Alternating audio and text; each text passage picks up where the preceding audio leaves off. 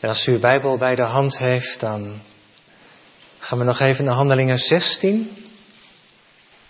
En dan vers 25 zou ik willen onderstrepen vanavond. Paulus zit in de binnenste kerker, Silas, zijn voeten vast in het blok. De voortgang van het evangelie geboeid, gebonden, geblokkeerd. En dan omstreeks middernacht bidden ze hun avondgebed. En zingen lofzang, baden Paulus en Silas en zongen lofzangen voor God. En dan gebeuren allerlei wonderlijke dingen. Ik ga niet alles in de preek uitwerken, maar alleen al het feit dat de boeien losraakte. Dan zie je al iets van het koninkrijk van God zichtbaar worden, als God in beweging komt. En het thema voor de verkondiging, als alles donker wordt. Als alles donker wordt. Gemeente, heeft u wel eens in het donker gezeten, u of jij? U bedoelt dat de stroom uitviel en dat we kaarsen moesten pakken? Ja, dat hebben we wel eens meegemaakt. Wie niet van ons? Maar dat bedoel ik niet vanavond. Heb je wel eens meegemaakt dat de weg die God met je leven gaat donker is? Dat je niet ziet hoe het verder gaat. Dat je geen uitzicht hebt. Dat je eigenlijk niets van de weg die God met je leven gaat begrijpt. Dat het zomaar opeens, het was een klaarlichte dag en het werd donker. En er kwamen donkere wolken. En opeens was het weg. De ervaring van God. Het zicht op de weg die Hij met je leven gaat. Heb je dat wel eens gehad? Als het donker wordt in je leven. Misschien is dan deze preek wel iets voor jou of u vanavond in het bijzonder. Hoogtepunten, dieptepunten, triomf en tragiek Prachtige vergezichten en hele donkere dalen. Ze liggen soms in het leven zo akelig dicht bij elkaar. Dat kan in ons leven het geval zijn. Misschien weet u of jij daar alles van. Het was in het leven van de Heer Jezus niets anders. Het was in het leven van apostel Paulus, waarover het vanavond gaat, zeker ook niet anders. Momenten dat het geloof, om zo te zeggen, dat je de wind in de rug hebt. Dat je onbezorgd en onbekommerd leeft, dankbaar en vol vertrouwen. Maar dan opeens, dan, dan verandert de wind van windrichting en heb je een pal tegen. Het lijkt wel of alles tegen zit, die wisseling. Vaak zo moeilijk, roep zelf een vragen op. Heren, wat is er nou aan de hand? Heb ik iets verkeerd gedaan? Zijn er dingen die ik over het hoofd ziet? Wat is er aan de hand? Ik begrijp uw weg met mijn leven niet. Zomaar in het donker. Is het misschien de tegenstander die vrij spel krijgt? De vraag is, wat doe je? Hoe ga je daarmee om? Als je weg anders loopt dan wat je had gehoopt, gebeden, als het donker wordt in je leven. Hoe voorkom je dan dat je niet steeds het onderspit delft? Wat heb je nodig om staande te kunnen blijven? Gemeente, ik denk dat wij bij de apostel Paulus vanavond iets kunnen vinden, van hem iets kunnen leren. Laten we maar eens even kijken naar wat Lucas ons vertelt. Als er één ding duidelijk is, als wij handelingen 15 en 16 wat zouden doorlezen, is dat Paulus helemaal, om het in zijn eigen tijdse taal te zeggen, in de flow van de Heilige Geest is hij was daar nadat de Heilige Geest hem duidelijk had gemaakt dat hij naar rechts of naar links moest. Dan komt hij dan in Troas, daar is hij enige tijd. Dan ontmoet hij Lucas, die daar als arts werkte. En, en, en Lucas is tot geloof gekomen, die heeft besloten met Paulus mee te gaan. En dan krijgt hij ergens in de nacht dat visioen. Die man, dat continent Europa gesymboliseerd, die man, kom over en help ons. En Paulus had het natuurlijk aanvankelijk ook niet begrepen waarom de weg van God zo was. Maar dan komt hij en dan gaat hij dan naar de overkant. Ja, en dan vindt hij daar in de stad Filippi, een Romeinse kolonie, een kleine Joodse gemeenschap op Sabbat. Daar bij de rivier, het was ook niet een grote groep, een aantal vrouwen die daar aan het bidden zijn. En Paulus raakt met ze aan de praat deelt over wat zijn passie is, vertelt hen over de Heer Jezus en het hart van Lydia wordt aangeraakt. Een welgestelde vrouw had een eigen bedrijf, ze verkocht purper, een heel luxe product, maar ze heeft een groot huis en kom maar in mijn huis en deze vrouw komt tot geloof. Ze was zoekende. Ze had alles wat haar hartje begeerde, maar toch was er een leegte in haar hart. En ze hoort de apostel Paulus, de Heilige Geest komt erin mee en er begint iets in haar hart te ontvlammen. Ja, dit is wat ik nodig heb. Haar ogen gaan open voor de Heer Jezus. De puzzelstukjes van haar leven vallen op zijn plek. Dat is een bijzonder moment. Als je dat mee mag maken. Als je ouderling bent, misschien in het evangelisatiewerk, de Alpha-cursus, mensen die niet zoveel kennis hebben van het geloof. En je ziet er een doorbraak. Je ziet opeens dat de ogen voor de Heer Jezus opengaan. En ik denk dat het voor de apostel Paulus ook wel een enorme bemoediging moet zijn geweest. Die ene deur ging dicht, die andere deur, toen liep hij vast in Troas. Dan gaat hij naar Europa toe, dat andere continent. Zal dat het plan geweest zijn van Heere God? Hebben we ons niet vergist? Maar dan is daar Lydia en het woord lands in haar leven. Dat moet een geweldige bemoediging voor de apostel Paulus zijn geweest. Als mensen tot geloof komen en je mag daarbij zijn, een schakeltje in de hand van de Heer. De geest stroomt. Er zijn vaten, harten die gevuld kunnen worden met de woorden van God. De geest is aan het werk. Je bent in de werkplaats van de Heilige Geest, Paulus. Daar wil ik niets liever zijn. En dan volgt er nog een tweede bevestiging. Dat meisje, dat slavinnetje. Als Paulus daar dan aan het werk is, als hij door de stad loopt, loopt er een meisje achter hem aan achter Paulus en Silas en ze blijven roepen, het zijn dienstknechten van de Allerhoogste God. Ze, ze, ze wijzen ons een weg van de zaligheid. Ze hadden het nog niet helemaal goed begrepen, een weg. Het moest de weg zijn, maar ze, ze maakt reclame voor het evangelie wat Paulus aan het verkondigen is. het is een beetje een tragisch geval, dat meisje. Ze heeft een kwade geest. Lucas die noemt het ook heel specifiek een Pythongeest. Had te maken daar, in de Griekse mythologie, was Python een slangachtige draak. En die huisde in de grotten bij Delphi. En de mensen gingen daarheen om dat orakel van Delphi antwoord op levensvragen te krijgen. En er was daar een priesteres die in contact stond met deze ja, afgod. En die kreeg dan boodschappen door. En de mensen kwamen dan om advies te vragen. En dan gaf ze ja, woorden van de duivel als het ware aan hen door.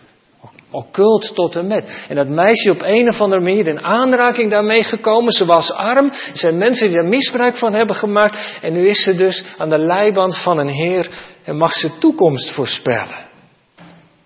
En het feit dat ze Paulus achterna loopt is natuurlijk veelzeggend. Dat zegt iets over het gebied dat Paulus betreedt. Het is bezet gebied. Het is het terrein wat nog in handen is van Satan. En Paulus is gekomen om het vaandel van de Heer Jezus op dat continent te planten. Het continent Europa ligt in de handen van de boze. En dat meisje symboliseert hoe gebonden dat continent is.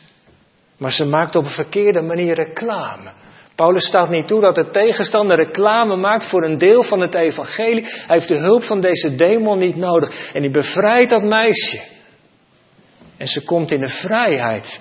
De macht van de boze is niet opgewassen tegen de macht en de majesteit van koning Jezus.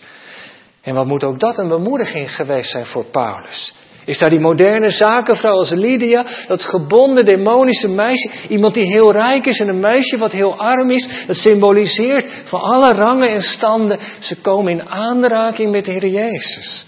Met het evangelie van verzoening en vernieuwing, vergeving en een nieuw begin. En de Heer bevestigt de bediening van Paulus. Harten staan open. Een continent ligt open. Wat kun je nog meer wensen als dienaar van het woord, als ouderling, als iemand betrokken bij het evangelisatiewerk? Maar dan, dan gaat het mis. Die bevrijding van dat meisje ontketent een hele hoop ellende. Ze kan niet langer meer geld verdienen voor haar eigenaarden. Ze worden boos en sleuren Paulus en Silas mee naar de stadsbestuur. En wat is de aanklacht? Dat zijn de verkondigers van de nieuwe leer. Een boodschap? Nee, het zijn Joden. En die hebben andere gewoontes. Antisemitisme zie je hier al. En de hele menigte komt in verzet. Populisme. En Paulus en Silas worden gestraft met stokken geslagen. Hun rug ligt bloedend open. Vervolgens worden ze in de gevangenis gezet. En de cipier doet er nog een schepje bovenop. Want hij werpt ze in de binnenste kerken, de donkerste, meest diep, diepe kerken die er maar te vinden is. En hij zet ook nog eens, zo vertelt Lucas, zijn voeten vast in het blok. Ze kunnen geen kans meer op. De bedienaar, de dienaar van het evangelie van de vrije genade is geboeid, gebonden en zit in de meest donkere en diepe kelder. Van de een op andere dag. Geen vuiltje aan de lucht. De zon scheen met haar heerlijke stralen van genade. En opeens is de zon weg en er komen de donkere wolken. En de aanklacht is onterecht. Ze hebben de orde van de stad niet verstoord. Geveld door leugen en bedrog. Heet Satan niet de vader van alle leugen? Wat is hier eigenlijk aan de hand, broeders en zusters? Hoe moet je dit nu duiden? Paulus is hier gehoorzaam aan de Heer in het centrum van zijn bediening. Hij doet de wil van God, niets anders geroepen om het evangelie te verkondigen in Europa. Alle zijnen stonden op groen. En nu dit, gebonden, geboeid in het donker als alles donker is. Weet u, we moeten er niet vreemd van opkijken. Maar dit hoort erbij. Weet u nog dat de Heer Jezus tegen zijn leerlingen iets gezegd had wat ze op dat moment misschien niet helemaal konden bevroeden, begrijpen. Ze hebben mij gehaat, ze zullen ook u haten. Weet u nog dat hij zei tegen ze, in de wereld zul je verdrukking hebben. En dat is wat er gebeurt. Ayit Fernando, een theoloog uit Sri Lanka, jarenlang verbonden aan Jood voor Christ, schreef er een boek over. En de titel was Vreugde vermengd met pijn. Hij zegt twee dingen. Een christen die nooit iets, heeft nooit iets van de bergtoppen van blijdschap heeft gekend vanwege de genade van Christus en het leven met God, kan zich nauwelijks een christen kennen, noemen. Maar omgekeerd, zegt hij, geldt ook. Als christen moet je niet denken dat verdriet en tranen je bespaard blijven. Ze horen erbij zolang je de Heer dient. Hij weet het uit zijn eigen leven in Sri Lanka. Triomf en diepe tragiek. Ze wisselen elkaar af in het leven van hen die de Jezus volgen en in hem geloven. En de wisseling van de een op andere moment, je begrijpt er niets van. En misschien heb jij u ook wel, als we elkaar naar de dienst zouden spreken, zo'n verhaal te vertellen. Ik herinner mij de eerste periode dat ik voor de GCB in Chili was. We zaten al vier jaar op een plek en de Heer God riep ons om naar het noorden van, de, van het land te gaan, een paar duizend kilometer naar het noorden. Ik zou daar opnieuw aan een seminarie werken en de, de, de, de Heere God had het aan ons persoonlijk bevestigd. De GCB was ook akkoord. We hadden mensen gesproken, was al een huis. En toen werd mijn vrouw ziek. En toen moesten we een verlof inlassen. Toen gingen we naar Nederland, toen kwamen we in Nederland. En toen kreeg ik een mailtje dat het seminarie de stekker eruit trok. En dat alles niet doorging. En dat was zo duidelijk bevestigd door de Heer, dachten we, als maar kon. Toen hebben we anderhalf jaar moeten wachten voordat er een nieuwe deur openging. En wat leer je dan? Ja, wat leer je dan? Volharden, wachten, smeken, bidden. Nou, die dingen, dat weten misschien zelf ook wel. Als je de weg van de Heere God nou even niet begrijpt, wat dan? Paulus en Silas zitten in de gevangenis. En het evangelie van vrije genade voor zondaar is geboeid en gebonden. Geen beweging in te krijgen, overal muur. Wat doet dat met je, denkt u? Stel je even voor, je bent Silas, je bent met apostel Paulus mee, je zit daar naast hem. Onterecht afgeranseld, valse beschuldigingen in het blok in het donker. Wat doe je dan? Nou ja, je hebt het er met elkaar over. Klaargeroepen. Heren, wat is het plan? Als je goed leest, hè, dan, dan is het niet zo dat ze onmiddellijk gingen zingen omstreeks middernacht. Ze hebben al even in die gevangenis gezeten, blijkbaar. Maar je, wat ga je doen?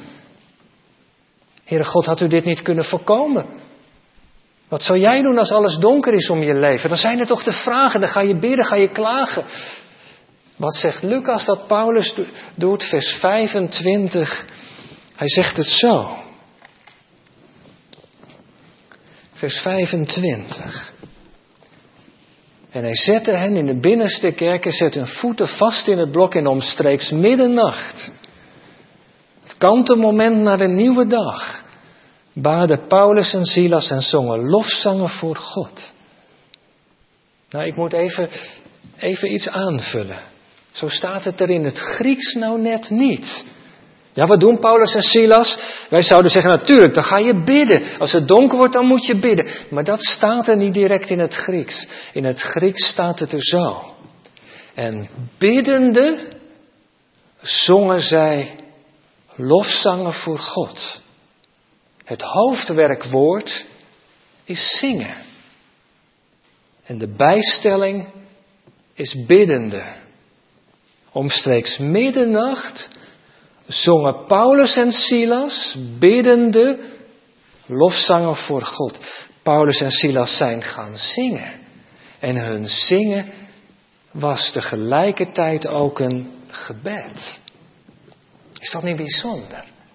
Na alles wat je meegemaakt hebt, gaan ze lofzangen zingen voor God. Daar zou ik niet aan gedacht hebben. En u en jij? Als geen nood gezeten, geen uitkomst ziet, dat je lofliederen gaat zingen als een gebed. Nou, ik moet er iets aan toevoegen. Het werkwoord dat Lucas hier gebruikt, is hetzelfde werkwoord als we tegenkomen bij Matthäus, bij de paasmaaltijd. Als de Jezus daar, die paasmaaltijd, aan die tekenen van brood en wijn, als hij die verbindt met zijn eigen leven, als hij tegen zijn discipelen gaat zeggen, dit is mijn leven dat ik voor jou verbroken heb. Als Jezus vertelt over de verzoening die hij gaat brengen, straks op Golgotha. Als hij die paasmaaltijd heeft gevierd met zijn discipelen, dan zingt hij ter afsluiting, zoals bij de Joden gebruikelijk was, de lofzang. En de lofzang, dat weet u misschien wel, dat heeft betrekking op het Halleel. Dat zijn de psalmen 115 tot en met 118. Het Halleel, de lofzang zong, zong onze heiland. Psalm 115, Psalm 116, Psalm 117, Psalm 118. De afsluiting van het paasmaaltijd. En die psalmen werden altijd hardop en zingend uitgesproken. En als Paulus in die en Silas in die donkere cel zitten, omstreeks middernacht, wat doen ze dan? Dan zingen ze hun avondgebed. Ik ga slapen, ik ben moe. Ze zingen de woorden die ze als Joodse jongen al heel vroeg hadden geleerd. Bij de paasmaaltijd die ze hadden gevierd. Het Halleel, de psalmen die ze uit hun hoofd hebben geleerd. En wat hebben ze dan gezongen? Niet ons, o Heere, maar uw naam geef eer. Om uw goede tierenheid en trouw. Waarom zouden de heidenen zeggen, waar is nu hun God? Israël, vertrouw op de Heere. Psalm 115. En ze hebben doorgezongen. Ik heb de Heere lief, want hij hoort mijn stem. Banden van de dood hadden mij ontvangen. Ik ondervond benauwdheid en verdriet. Maar ik riep de naam van de Heere aan. Och Heere, bevrijd mijn ziel. Ik was uitgeteerd, maar Hij heeft mij verlost. Psalm 116. Paulus en Silas zitten in de gevangenis en ze zingen met de woorden van Psalm 117. Loof de Heere alle gij volken, prijst hem alle gij. Want zijn goede tierenheid is machtig over ons. En zijn trouw is tot in eeuwigheid. Ze zitten in het blok in het pikken donker. En ze zingen Psalm 118. Loof de Heere, want Hij is goed. Zijn goede tierenheid is voor eeuwig. Uit de benauwdheid, Psalm 118, vers 7 zongen. Uit de benauwdheid heb ik tot de Heere geroepen. En de Heere heeft mij verhoord. Hij heeft mij in de ruimte gesteld. Ze zingen het loflied. Maar ze zitten nog in het blok. Ze vinden op dat moment in de gevangenisgemeente, hou vast in de woorden van God. Woorden die zo heel vroeg als Joodse jongens, denk ik, hebben geleerd. Weet je nog, Silas? De naam van Jezus, Immanuel toch? Met ons is God. Hij is erbij, laten we samen zingen. Weet je nog wat we altijd zongen bij die paasmaaltijd? Laten we de Heer prijzen, wat moeten we anders doen? Laten we zingen over Hem, die al zo vaak het volk Israël heeft verlost. En zo zingen ze daar, stijgt vanuit het donker een loflied op omhoog. Ze prijzen God met woorden uit de schrift.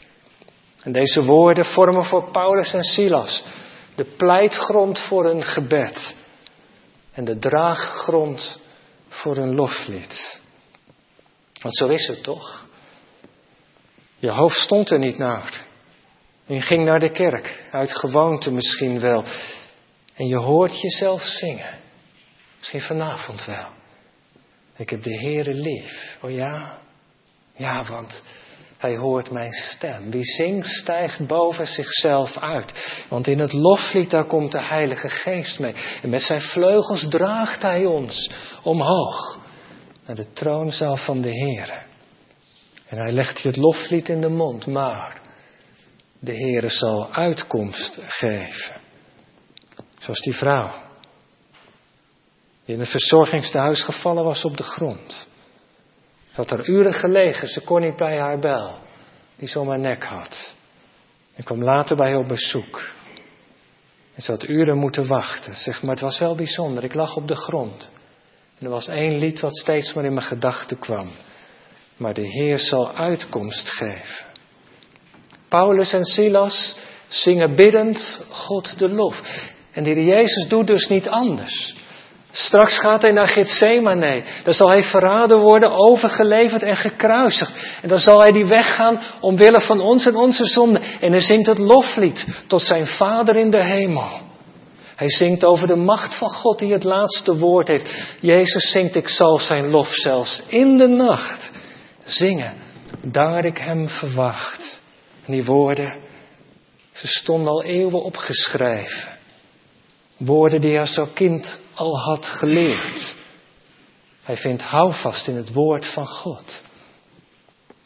Het is oorlogstijd, de tijd van Dietrich Bonhoeffer, de bekennende kirchje. Zijn collega Duitse predikant Martin Niemöller is in een gevangenis gezet vanwege zijn verzet aan Adolf Hitler. Hij had één ding bij zich, zijn Bijbel.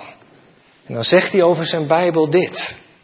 Wat dit boek voor mij betekende. Tijdens de lange ellendige jaren van mijn gevangenschap. De laatste vier jaar in Dachau. Weet je wat het woord voor mij betekende? Het woord van God was eenvoudigweg alles voor me. Troost en kracht. Leidraad en hoop. Overdag mijn baas.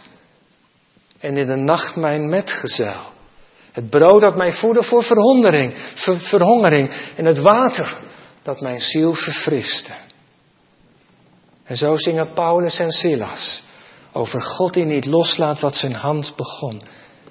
En met dat ze zingen, dat loflied stijgt op, gedragen door de vleugels van de geest. En het komt tot in de troonzaal van de Vader. En de Vader die is niet onbewogen.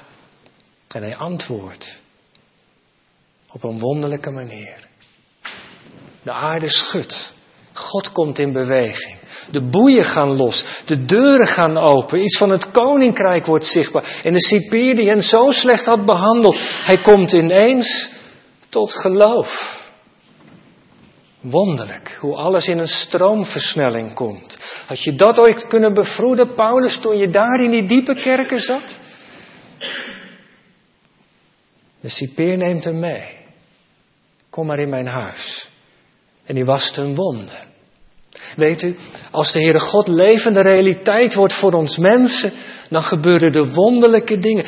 Stel je het even voor. De cipier neemt Paulus en Silas in huis. Hun rug is kapot geslagen. En hij begint hun wonden te wassen. En ondertussen vertelt Paulus hem het evangelie over de reddende genade van de Heer Jezus die vrij maakt. En hij wordt gedoopt. Hij was de wonden van de apostelen. En de apostelen wassen de zonde van deze man af. En hij in zijn huis komt tot geloof. Wie had dat ooit kunnen bedenken? Triomf en tragiek. Ze wisselen elkaar af, maar God, hij gaat door met zijn plan.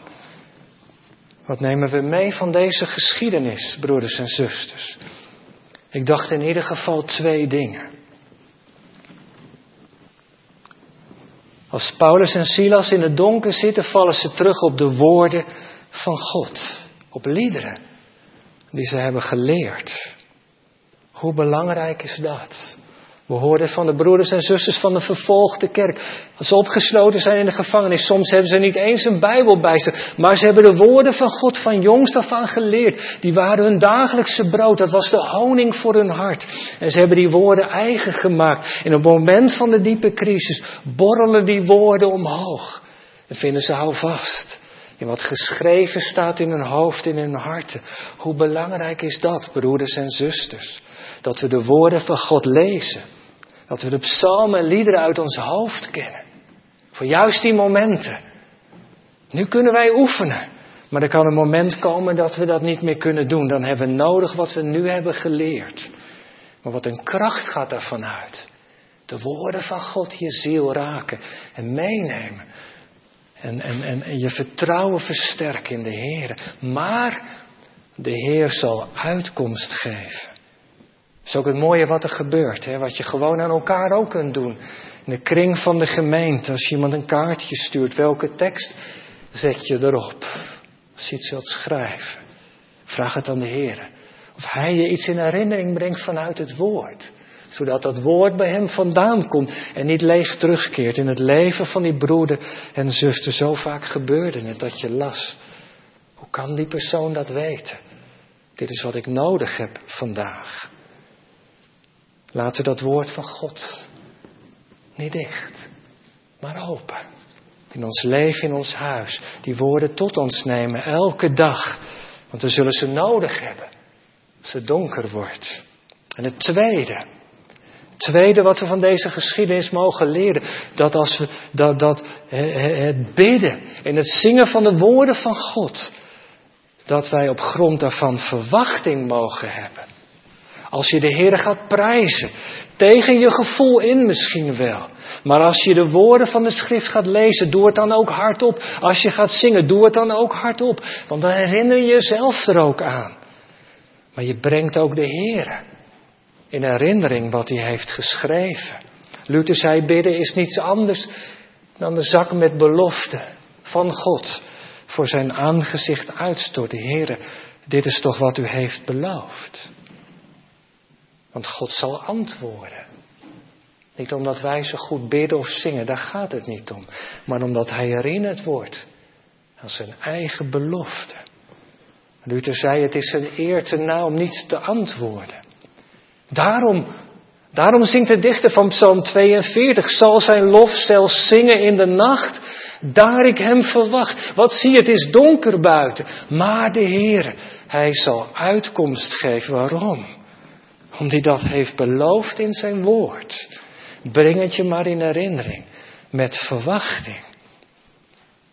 En gaat God dan antwoorden? Hoe lang moet je daarop wachten? Anderhalf jaar of langer? Een paar weken of een maand? Dat weten we niet. Maar de Heer is trouw. Hij waakt over zijn woord om dat te doen. Soms gaat er een deur dicht en moet je wachten. Maar in zijn genade opent hij een venster. Als het moet, kan hij de grond onder je voeten bewegen, zodat er een deur open wordt gewrikt. En zomaar valt zijn licht over je leven. En neemt hij de moeite en zorgen misschien niet gelijk weg. Maar komt er een wonderlijke vrede. Soms baant hij dwars door alles heen een weg. Die begaanbaar is, zodat je weer verder kunt. Zodat je weer iets van licht ziet zodat je misschien wel van Hem kunt getuigen.